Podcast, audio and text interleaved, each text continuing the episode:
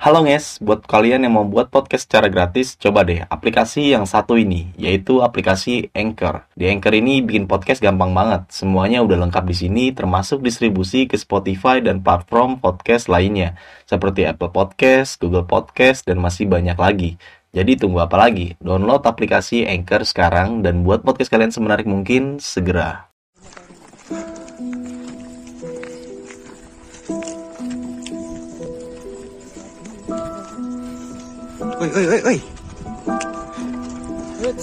Pendakian Gunung Gede via Putri melintas.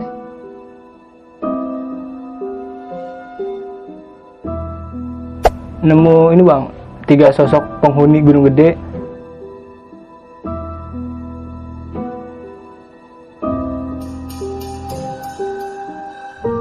Bahkan temen gue itu ngeliat dua sosok hitam dan putih.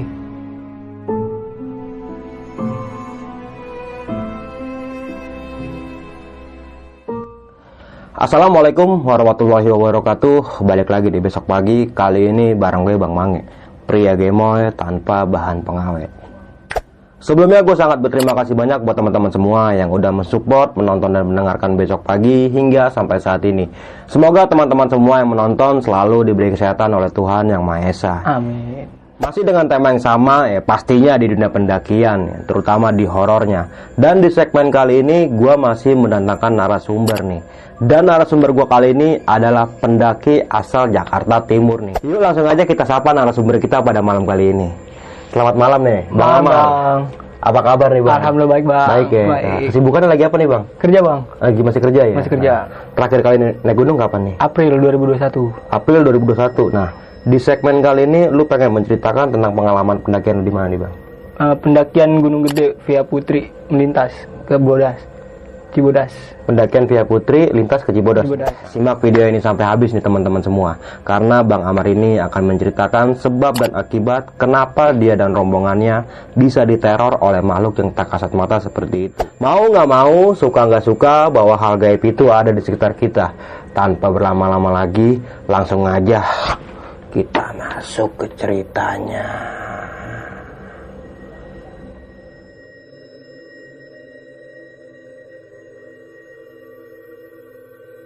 Nah, itu gimana sih Bang bisa terjadi kayak gitu? Coba bisa dijelaskan atau diceritakan lebih detail lagi nih Bang. Silakan. Halo, selamat malam. Perkenalkan nama gue Amar dari Jakarta Timur. Di sini gue menceritakan tentang pendakian gue di Gunung Gede Pangrango via Putri melintas ke Cibodas. Ini bang videonya bang. Oke.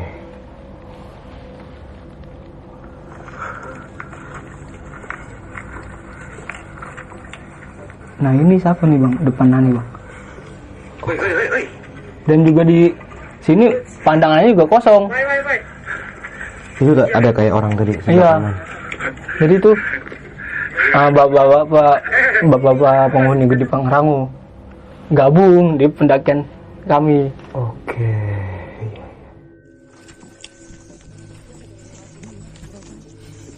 Oi, oi, oi, oi. Oi, oi, oi. Ya.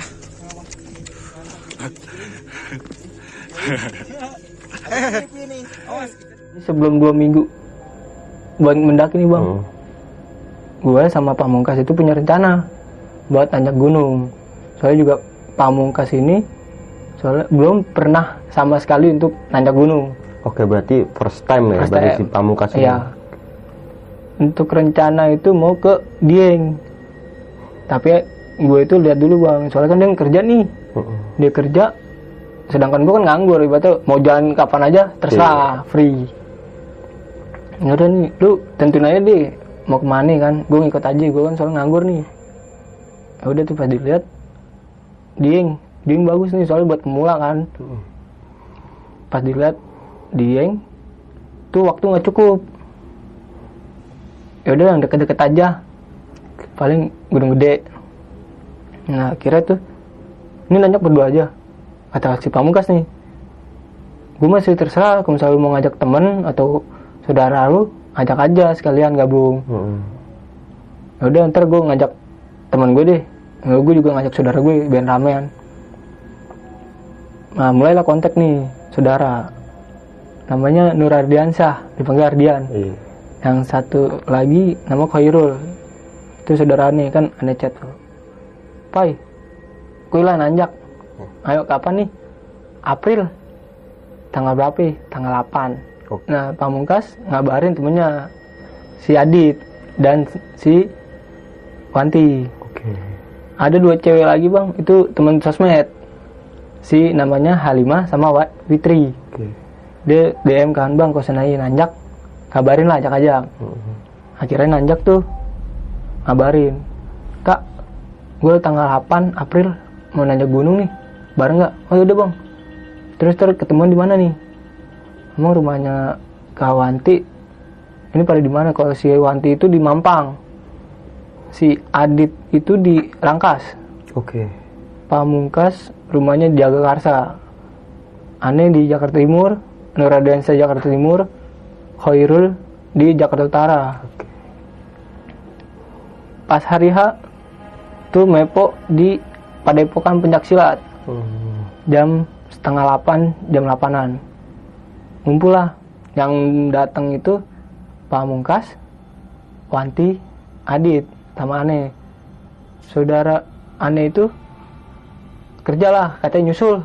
Oke, berarti Mepo di base Mepo camp di ya? base camp sama Dengan- si Wanti eh sama si Witri dan Halimah Heeh.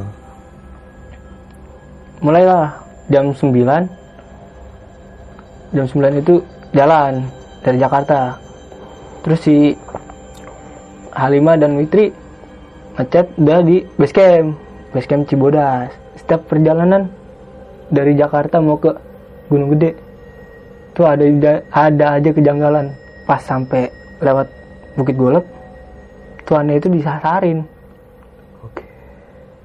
untung aja nih teman si pamungkas ini negur. Mar salah jalur ambil kiri. Oh iya ikutin. Yaudah lu depan aja deh. Ayo kan gue lupa. Jalan. Sampai ke Cibodas tuh jam setengah satu. Malah ketemulah sama si Halimah dan Fitri. Nur Ardiansyah sama Koirul belum nyampe. Katanya masih ji perjalanan. Nah pas di base camp tuh mulailah perkenalan diri tuh. Ngobrol-ngobrol-ngobrol. Ini mau nanya nih kan nanya nih ke rombongan nih yang udah pernah nanjak gunung siapa aja? Nah si Wanti langsung jawab gue bang. Oke. lu pernah nanjak ke mana? Ke Semeru sama ke Argopuro. Oke. si Pamungkas per- perdana. Halimah dan Witri perdana juga. Setengah dua jam 2 malam saudara gue datang. Mm-mm. nah di situlah ngumpul. Tuh berdua perkenalkan diri lagi. Mulai ngobrol-ngobrol-ngobrol. Ini udah nih kan kita 8 orang. Tiga cewek lima cowok. Mulai bagi-bagi bata ini yang depan siapa? Yang belakang siapa? Yang tengah siapa? Nah jadi yang depan itu gua bang. Soalnya kan gue di situ udah sering ke Gunung Gede. Heeh. terus di belakangnya itu si Halimah belakangnya lagi Pamungkas. Selang-seling lah biarin nge-backup. Oke. pas pagi jam setengah lima jam 6 itu mulailah bangun. Bangun prepare untuk ke Putri. Hmm. Tapi kan nungguin angkot lama akhirnya di situ nyabu dulu. Oke. Ya, Sarapan ya. sarapan bubur. Sarapan bubur jam setengah tujuh pagi mulailah ke base camp Putri. Base camp Putri di sana gue tuh sama rombongan gue nggak langsung nanjak bang. Soalnya si Wanti ini ada kerjaan. Nah oke lah ya betul ya udah di sini nggak ada main salah-salahan di sini juga kita baru juga kan baru kenal juga ikutin aja. Kalau dia mencar kan nggak enak juga kan? Hmm. kelar dia jam setengah 12 mau lanjut nanjak tanggung nih bang. Zuhur kan? Zuhur akhirnya sholat. Sholat mulai pendakian tuh setengah satu. Setengah satu sampai ke registrasi Gunung Putri tuh jam satu. Mulailah pendakian. Baru per tigaan jalan. Si Fitri sakit bang. Aneh pikir tuh. Kan soalnya kan abis makan kalau jalan lambung sakit kan Heeh. perut. Kok beda? Awalnya udah beda. Awalnya beda. Deh duduk dulu. Masih sanggup gak? Taruh bang. Perut gue sakit. Perut gue sakit ya udah tuh istirahat. Nggak sengaja tuh Hani lihat nenek-nenek. Tuh dia lagi kayak meluk meluk perut dia. Terus lu masih sanggup gak kak? Insya Allah sanggup. Ya udah kalau misalnya ini carrier gue yang bawa deh. Mm. gue paling belakang. Nah baru tuh situ rencana rencananya berubah lagi bang. Ibaratnya gue paling depan jadi gue paling belakang. Di formasinya berubah informasi nih. informasi Iya. berubah jadi nih gue yang backup ya terus yang depan lu ini depan lu kas pamungkas jadi terus pokoknya lu ikutin jalan aja. Mulailah pendakian. Pos satu. Sampai pos satu itu asar. Asar istirahat lah break. Makan. Terus selesai makan sholat. Ada keganjalan juga tuh bang di situ bang. Jadi di pos satu itu kan kayak ada rumah-rumah gitu tuh. Oke, shelter ya. kayak shelter. Nah, tuh kayak ada bapak. Sebelah kanan. Nah mungkin pendaki lain kan. Mm. tapi kayak ngeliat ngeliatnya itu sensi. Sensi buat sensi buat kayak entah sensinya ke gua atau ke yang lain nih rombongan gue. Nah gue situ pikiran negatif aja positif nih. positif. Mulailah selesai mulai jam 4 jam 4 nah jalan pos di pos 2 tuh nyampe setengah enam. Break. Soalnya kan maghrib nggak baik tuh. Break. Di situ cuma ngopi sama sebatang ngerokok. Terus si yang cewek-ceweknya sholat. Selesai setengah tujuh mulailah lanjut pendakian. Sampai pos 3 itu Isa. Isa itu break ditimpa hujan. Oke. di pos 3 timpa hujan bukalah presit. Presit ngerokok masak bikin kopi. Pas lagi masak nih bang. Pamungkas ini ngeliat dua sosok yang tadi gue ceritain yang di awal. Dan yang hitam yang hitam dan putih. itu persis di sebelah gua bang dia mungkin mau negor. Salah. Dimi juga kayak gimana gitu. Pokoknya pandangan dia tuh kayak serba salah. Pandangan itu dia kayak serba salah. Nih yang dua sosok itu putih sama yang hitam. Mm. di sebelah gua nih. Terus gua sama pamungkas itu udah kayak main mata lah. Kode. Eh, deh diem. Kosan ada apa-apa diem. Ya tapi dia juga takut juga bang. Ibaratnya kayak serba salah lah mau ngomong lagi dalam pendakian Hmm. nggak ngomong sensi ngeliatnya. Hmm. nah adalah abain tuh di pos 3 masak selesai. Mulai pendakian jam 8 setengah sembilanan. Pas di pertengahan pos 4 tuh si Halimah kayak capean entah kecapean entah ada ngisengan ditempelin gitu. Bener-bener itu nenek-nenek itu lagi. Oke. yang si Fitri kena di pos 1 itu kayak ini loh hebatnya gua ada udah menunjukin. Tapi ya mungkin kondisi lemah kecapean ketiban hujan udahlah istirahat dulu lah. Istirahat sebagian masak air nih. Buat si Halimah aneh gituin lah ibaratnya kayak sebisa mungkin doa. Hmm. nanya nih kak lu udah bisa jalan belum? Ibaratnya masih sanggup gak? Kalau seandainya nggak sanggup. Buka tenda sini aja. Dan dipaksain kan nggak baik. Gue sanggup bang. Serius? Ya. Udah akhirnya pindah formasi lagi. Yang tadinya depan gua si Fit- Fitri sekarang Halimah si Wanti tetap depan. Sampai di Surya Kencana pintu masuk tuh udah tongolin lagi bang. Bapak-bapak penghuni Gunung Gede Pangrango dia itu kayak nunjukin mau gabung.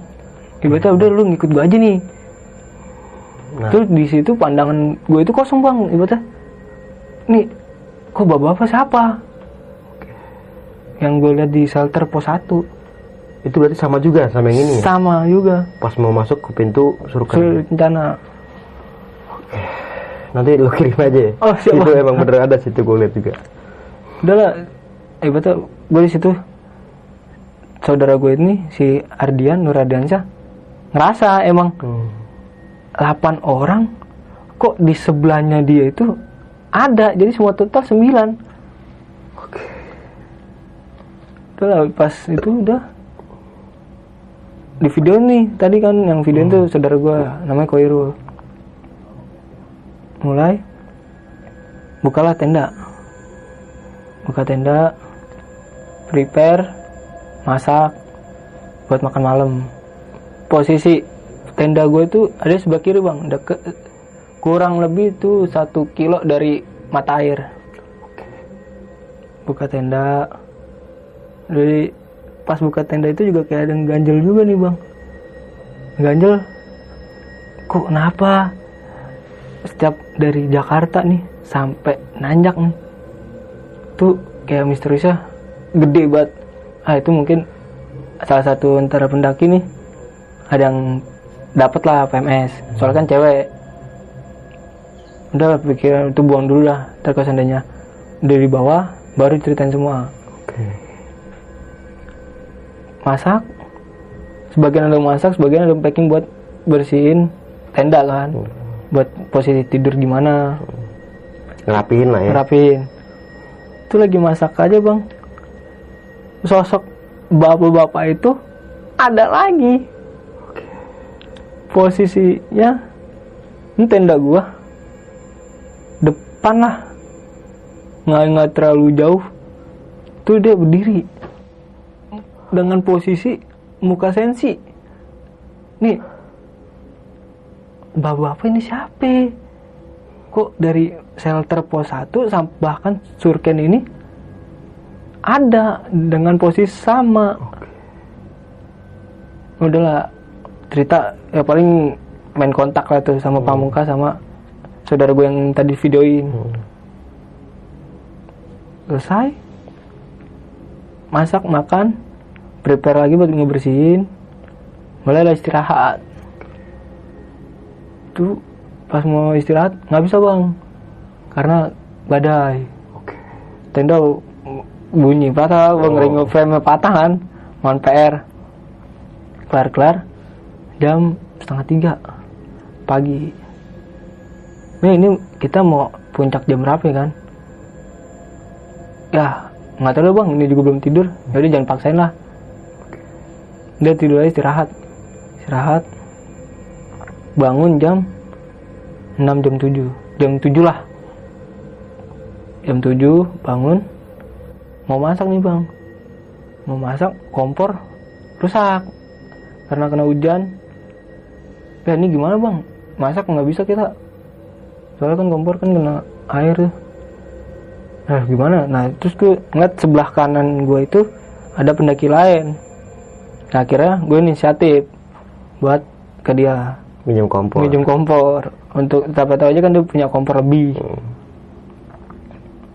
Gue nanya bang boleh numpang masak gak? Kok nggak minjem kompor? Soalnya kompor gue rusak nih. Ah gue kompor gue cuma satu doang bang. Kalau bisa kalau mau sih gabung aja. Heeh. Oh iya bentar bang. Ya gue nanya ke teman-teman gue dulu rombongan. Oh siap. Nah akhirnya ke rumah ini nih ngomong lah.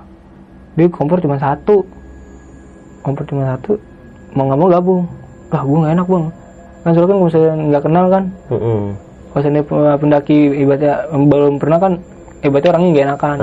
Kalau seandainya di gunung mah lu nggak usah mikirin gak enakan deh. Pede aja yang penting kita sopan. Iya benar. ya udahlah um, gabung aja bang. Udah gabung. Terus prepare lah uh, buat packing. Soalnya kan melintas tuh bang. Hmm. dari Surya Kencana ke Cibodas. Packing akhirnya gabung masak ngobrol-ngobrol tuh 8 orang dari Depok. Oke. dari Depok. Makanlah bareng. Terus nanya juga nih bang lu mau turun lewat mana? Gue melintas bang. Soalnya kan motor gue di Cibodas ini lu berapa orang? 8 orang. Gue 6 orang ya udah bang. Pas ke puncak bareng aja. Ya udah. Pas jam setengah 10 mulailah pendakian tuh ke puncak. Pendakian ke puncak setengah 11 siang itu nyampe puncak. Jam setengah 11 jam 11 lah. Moto-moto tuh ke bagian foto itu jam 12 kalau pendakian ramai kan bang? Heeh, ngantri ya. ngantri. udah tiang itu udah artis mah kalah dah. Heeh. buat foto dapat foto Niatnya mau turun tuh langsung turun. Tapi kan zuhur. Udah ntar aja turunnya habis zuhur. Kalau bisa sih pas selesai zuhur ada mau sholat selesai turun. Soalnya kan cuaca mendung juga kan. Pas udah pamit lah sama yang 8 orang ini yang numpang masak gua bang gue balik dulu ya kan. Ntar kalau seandainya ada apa-apa kontak aja. Ya bang gue cabut. Cabut tengah satu turun nyampe ke kandang badak itu asar. Udah kita istirahat lagi nih. Di sini. Pas lagi istirahat break. Kena hujan. Kena hujan redalah petir emang dar dar dar Hmm.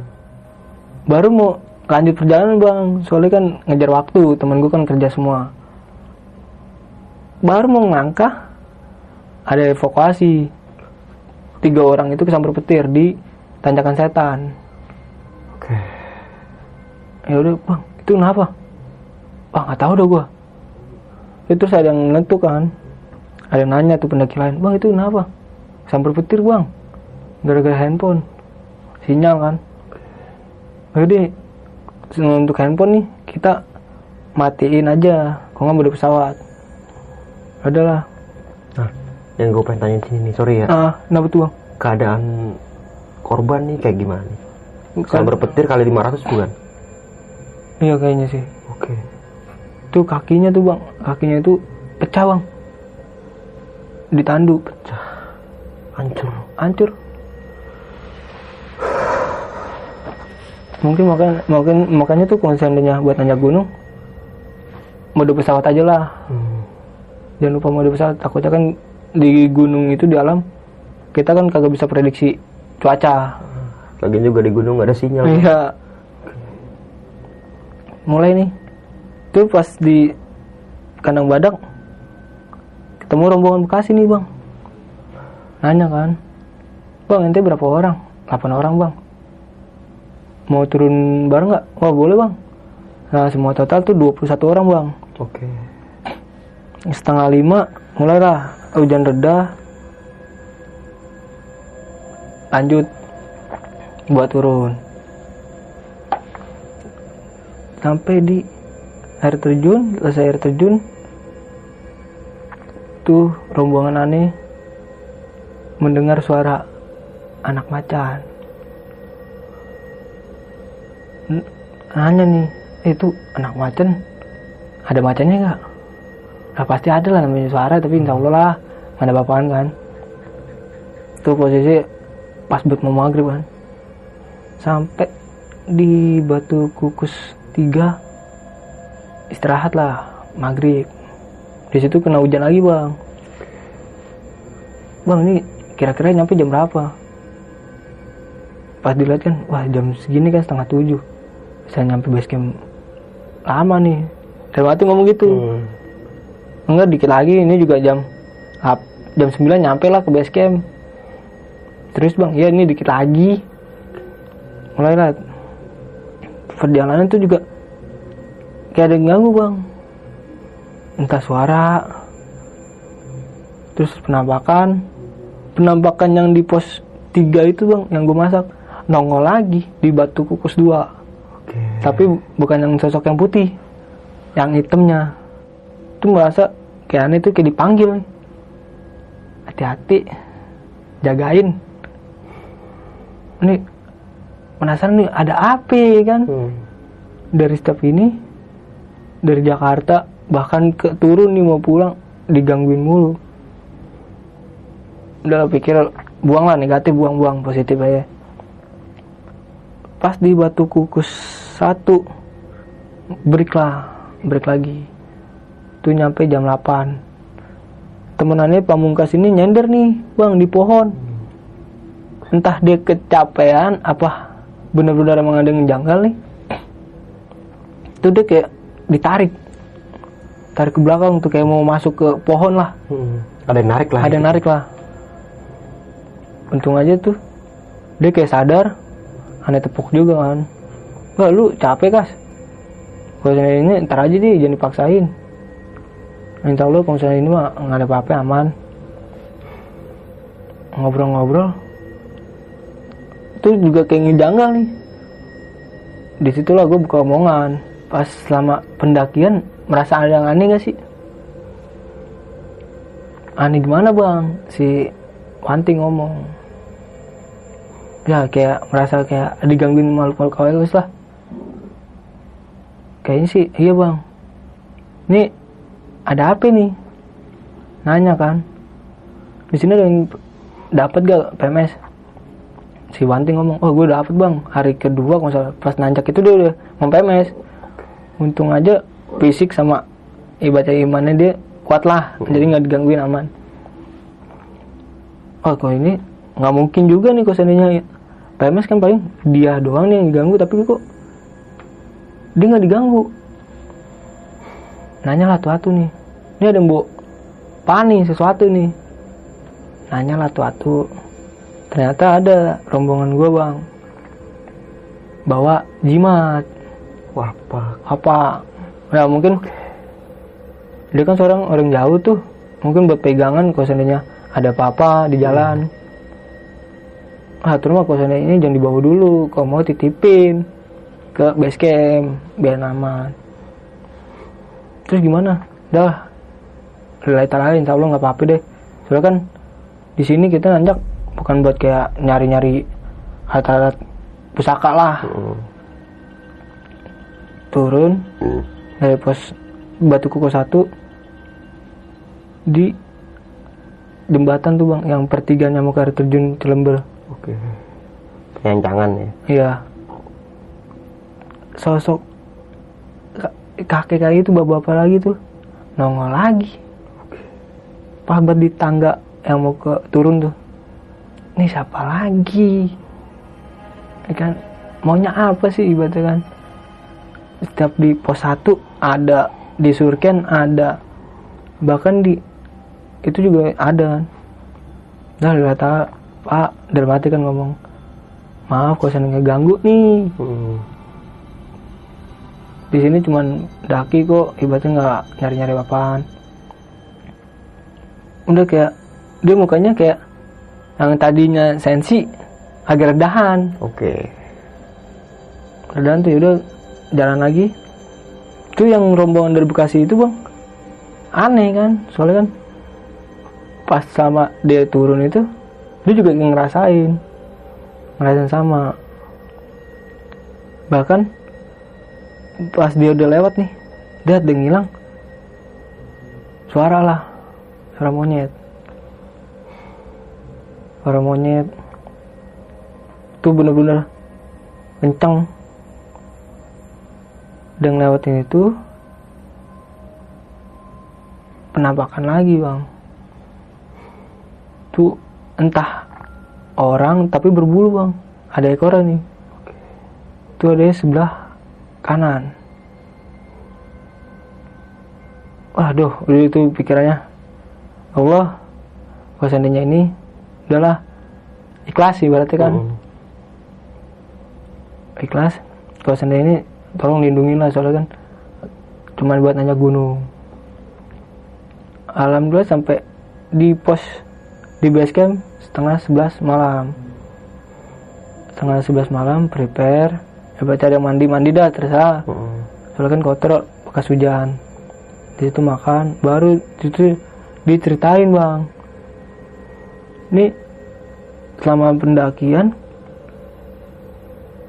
kita itu digangguin. Iya bang gue ngerasa nasi pamungkas langsung ngetuk. Langsung buka omongan. Iya mar. Gue ngeliat di pos 3 itu pas ibu masak posisi lu tuh di sebelah kiri itu ada makhluk. Hitam sama putih. Hmm. nah itu gue gue lihat. Mas serius tuh? Ya. Mas. Dilihat kan dilihat galeri kan bang ini foto gimana? "Ah, untuk foto mah kita kan ada grup nih. Ada grup terkirim aja ke situ. Dilihat-lihat. Itu yang video itu bang anehnya. Berarti baru sadar ketika udah turun. udah ya? turun. Oke.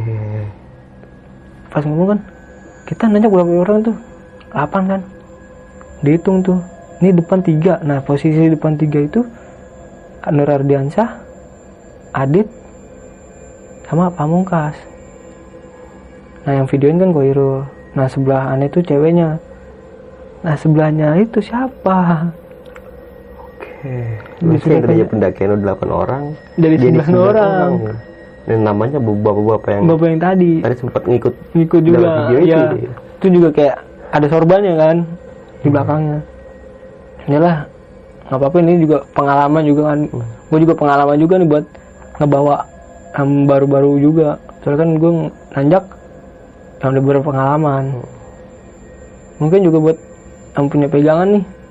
Kalau seandainya ini lu boleh bawa. Tapi saat lu nanjak gunung ya lu titipin aja dulu soalnya kan lu bawa yang kena kan imbas semuanya Awal dari cerita pendakian lu yang penuh teror ini berawal dari yang salah satu salah satu salah satu rombongan rombongan lu ada yang bawa bawa wapak. nih. wapak Jadi dia ber apa sih suka kayak gitu ya, namanya bergesekan lah antara Bergesekan. konflik lah ibaratnya Iya, antara penunggu wapak dia dan penghuni gunung. penghuni gunung gede. Pangrango Oke, dan untungnya lu kembali ke rumah dengan selamat ya, semua. alhamdulillah bang nyampe jam setengah empat pagi mulailah tur habis sholat subuh pulang nyampe Jakarta itu setengah enam jam enam Oke. pagi. Semuanya eh, maksudnya kembali ke rumah dengan selamat iya ya, ya? dengan selamat alhamdulillah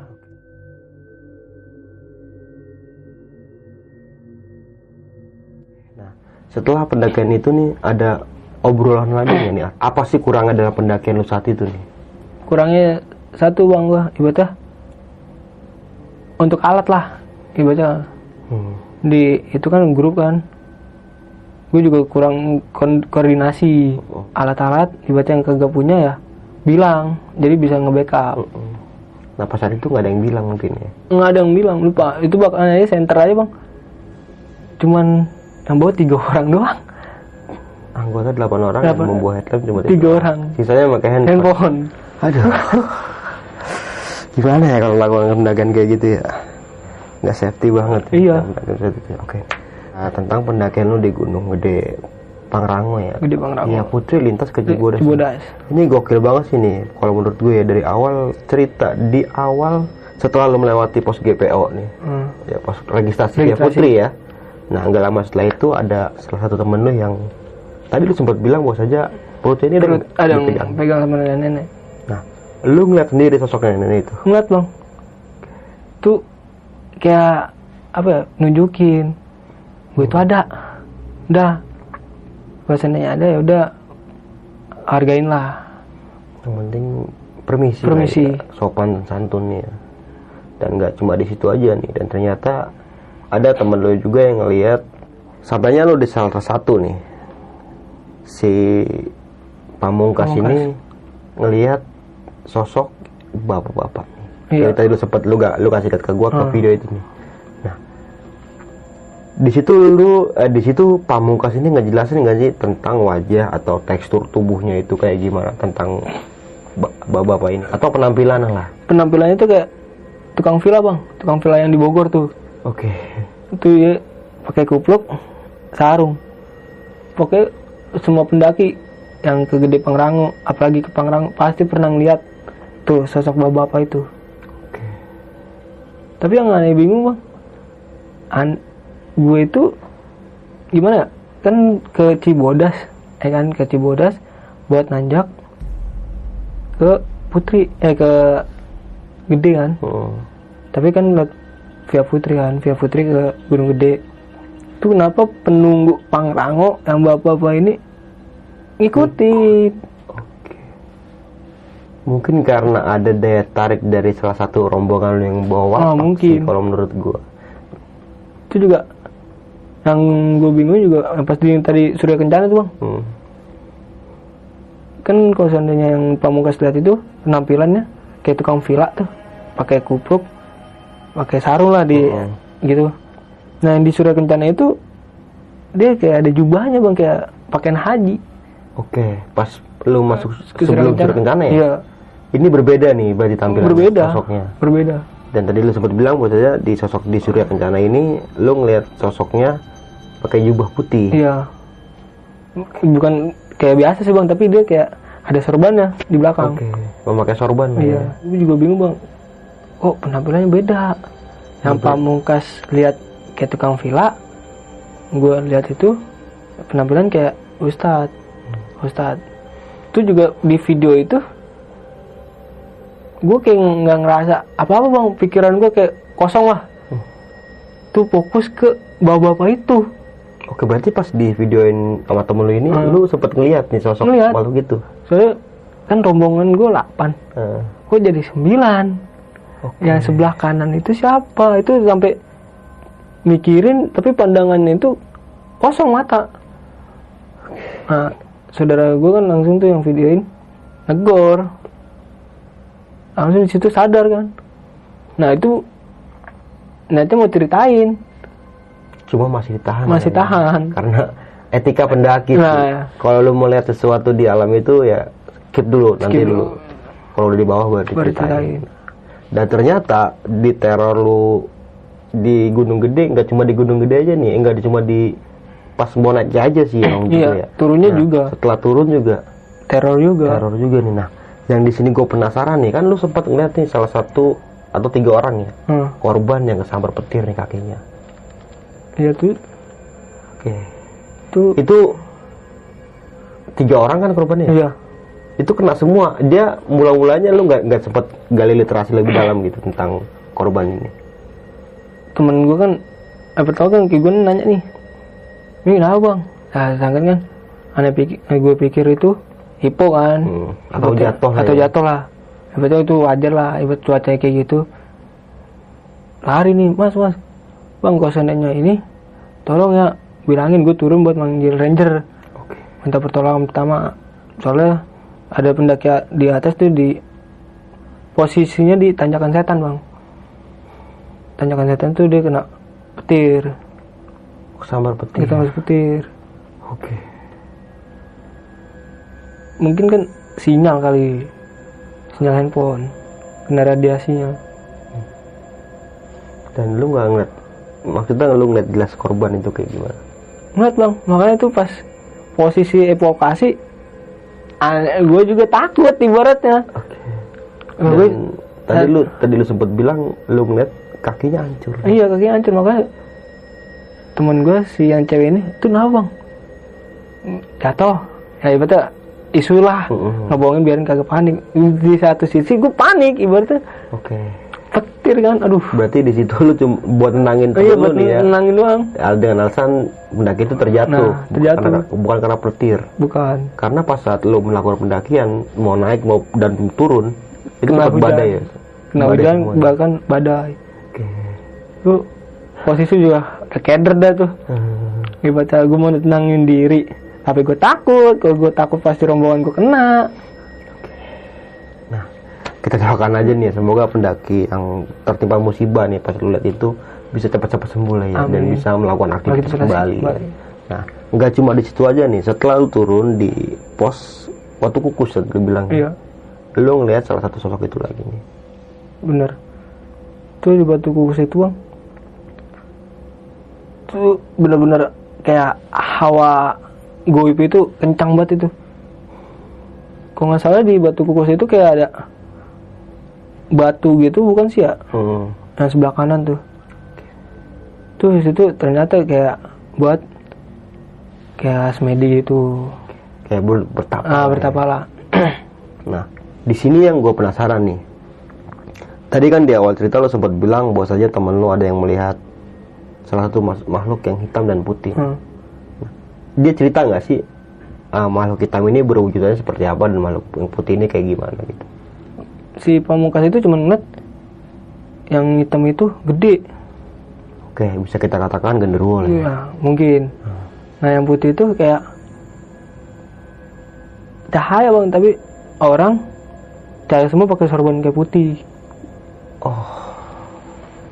Berarti sosok yang putih ini eh, bisa diibaratkan eh, manusia, ya Manusia, perwujudannya. dan karena saking silonya mungkin nggak kelihatan. Kelihatan. Makanya dan si pamungkas ngeliat ini. Ngeliat, Nah, sosok yang putih ini baik apa enggak nih? kayaknya sih baik bang. Tapi kan mungkin yang aneh pikir kan yang buat ngejagain lah. Mm-mm. Soalnya kan si Wanti, terus si Halimah sama si Fitri, ini kan agamanya kuat. Apalagi si Wanti, eh si Halimah dan Fitri itu pesantren. Oke, jebolan pesantren. Di lah. bulan pesantren ibaratnya, ya tau lah ilmu agama gimana. Oke, pasti mantep sih. Mantap. kalau gitu. Nah, dan juga sama salah satu rombongan temen lu ya, Hmm. atau lu nggak kenal ya? Nggak kenal. nggak kenal sama orang nih dan ternyata dia melawan pendakian itu membawa wafat Oh, nih. Oke, ini sih yang Gokil emang gua. Gimana ya lu mau naik gunung, lu ngapain bawa begituan gitu loh. Dan kita tahu ya bos aja kalau kita ngebawa-bawa kayak kayak gitu ya semacam hal Hmm. kayak gitu ya. Dan di sana itu pasti bentrok sih menurut gua. Sama. Aura dia sama aura penunggu gunung Gede. itu pasti. Nah, entah itu mau yang menang yang mana tuh nggak tahu kita tuh. Ya kan atau bapak gade lebih kuat atau penunggu gunung yang lebih kuat. Jadi mungkin karena jadi jadi mungkin menurut gua karena itu sih semuanya. Sebab dan akibatnya. Semua kan terjadi karena sebab dan akibat. Oke nih. Amar, Em, minum dulu siapa? biar ini.